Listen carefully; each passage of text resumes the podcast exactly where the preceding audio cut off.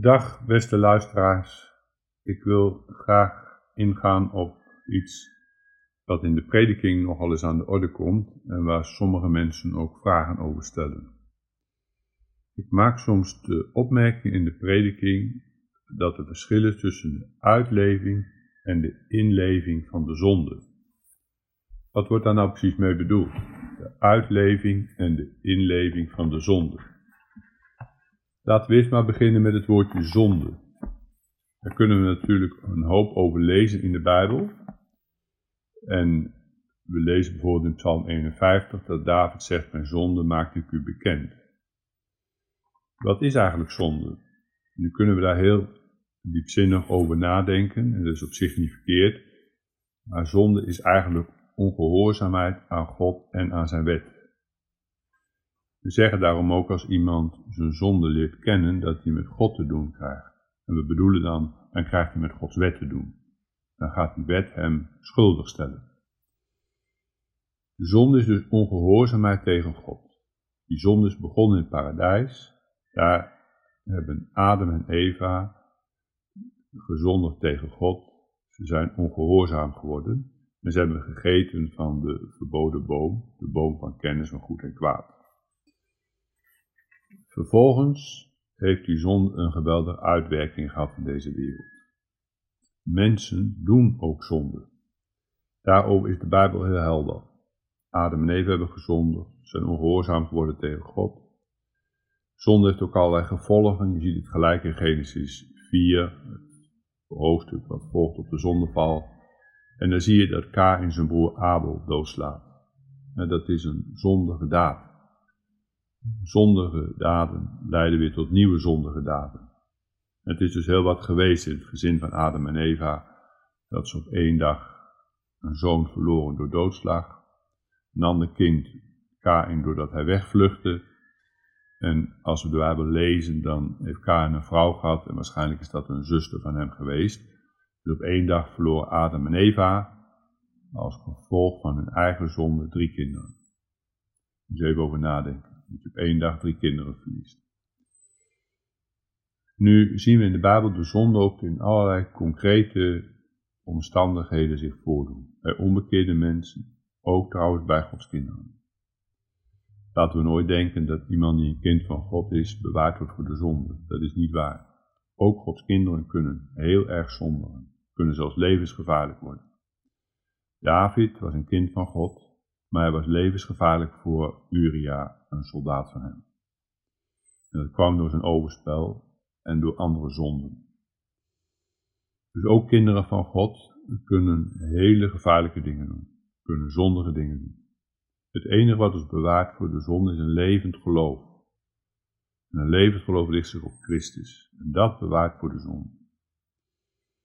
Nu kunnen we zonde doen met onze daden, met onze woorden en met onze gedachten.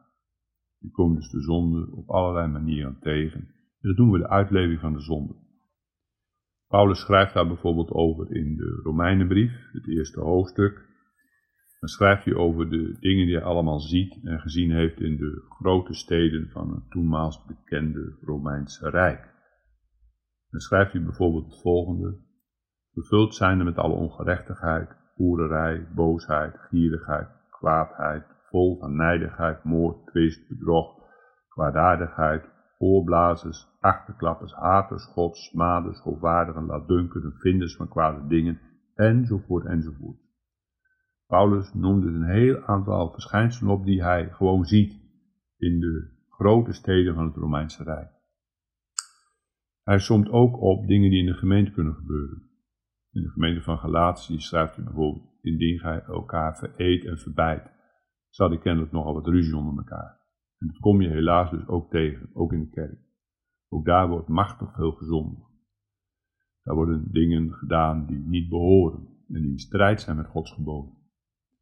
Daarom moeten we altijd oppassen voor de uitleving van de zonde. Ook als je jong bent, pas op voor de zonde. Pas op dat je de wet van de Heer niet overtreedt. Zonde stelt ons schuldig. zonde, dat wil en zal de Heer bestraffen. Zonde leidt altijd tot straf. Zonde moet worden weggenomen. Zonde moet worden verzoend. In de Bijbel staan talloze voorbeelden van de uitleving van de zonde. Sommigen doen het gerust, anderen doen het wat minder rust. Maar in ieder geval, een mens na Adam en Eva is een zondig mens. En hij zondigt elke keer weer opnieuw.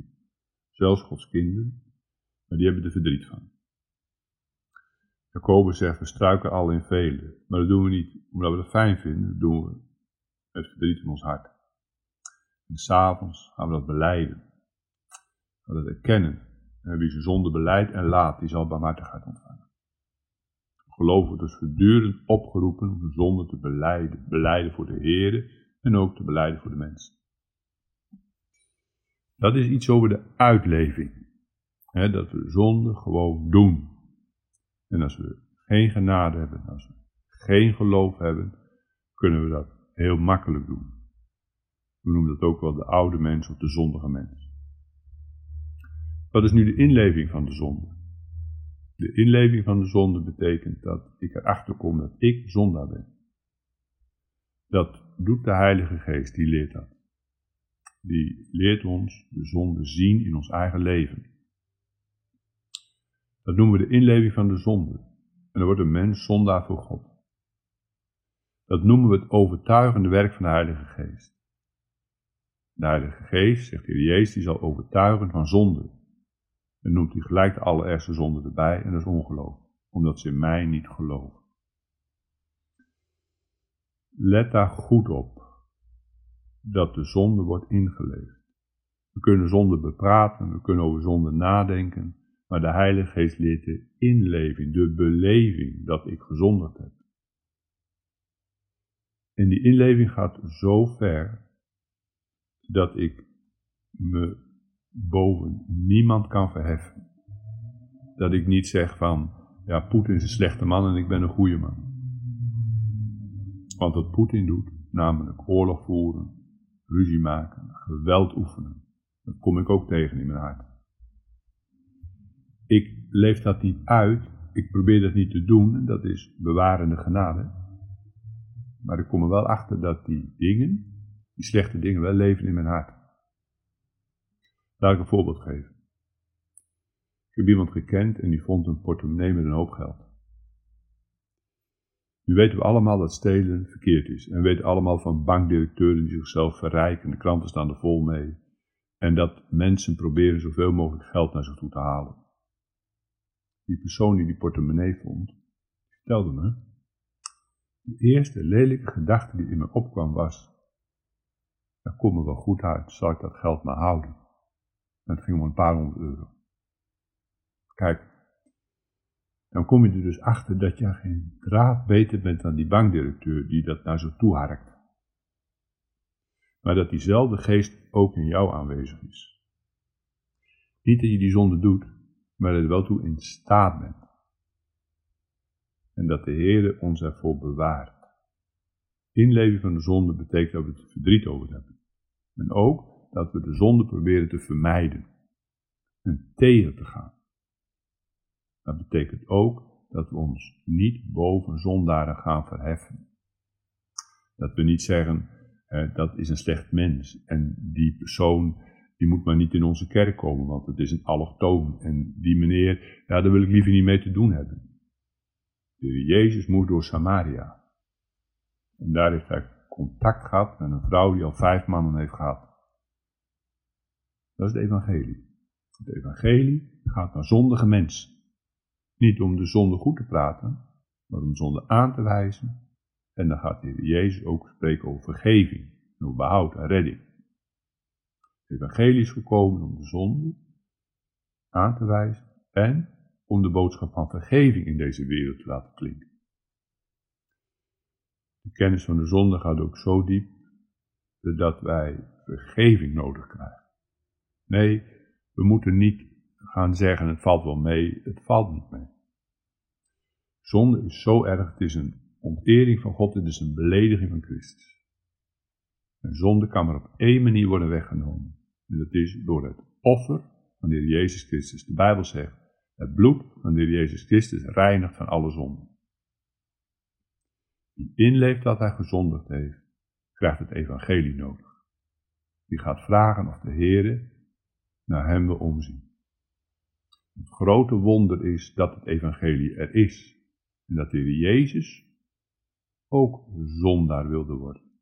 De Bijbel zegt hij is tot zondaar zonde gemaakt. De Jezus had geen zonde van zichzelf. Hij had zondaar door toerekening. En hij heeft voor de zonde de straf gedragen. De straf die ons de vrede aanbrengt, was op hem. En omdat Heer Jezus dat gedaan heeft, kunnen zondaren behouden worden. Alleen door het ware geloof in hem. Vergeet dat nooit. We kunnen alleen behouden worden door het ware geloof in de Heer Jezus Christus. Inleving en uitleving van de zon. Het is groot als we voor de uitleving bewaard worden. Denk nooit dat het wel goed is om een tijdje zonde te leven. Dat is niet goed. Maar iedereen komt erachter dat hij zonde in zichzelf vindt. De Heilige Geest deed ons de zonde inleven. De Heilige Geest brengt ons ook bij het enige middel om van de zonde verlost te worden. Dat is het bloed van Christus en zijn offer, dat alleen redt van de dood. Het bloed van Jezus Christus, Gods Zoon, reinigt ons van alle zonden. Dank u wel en graag tot de volgende keer.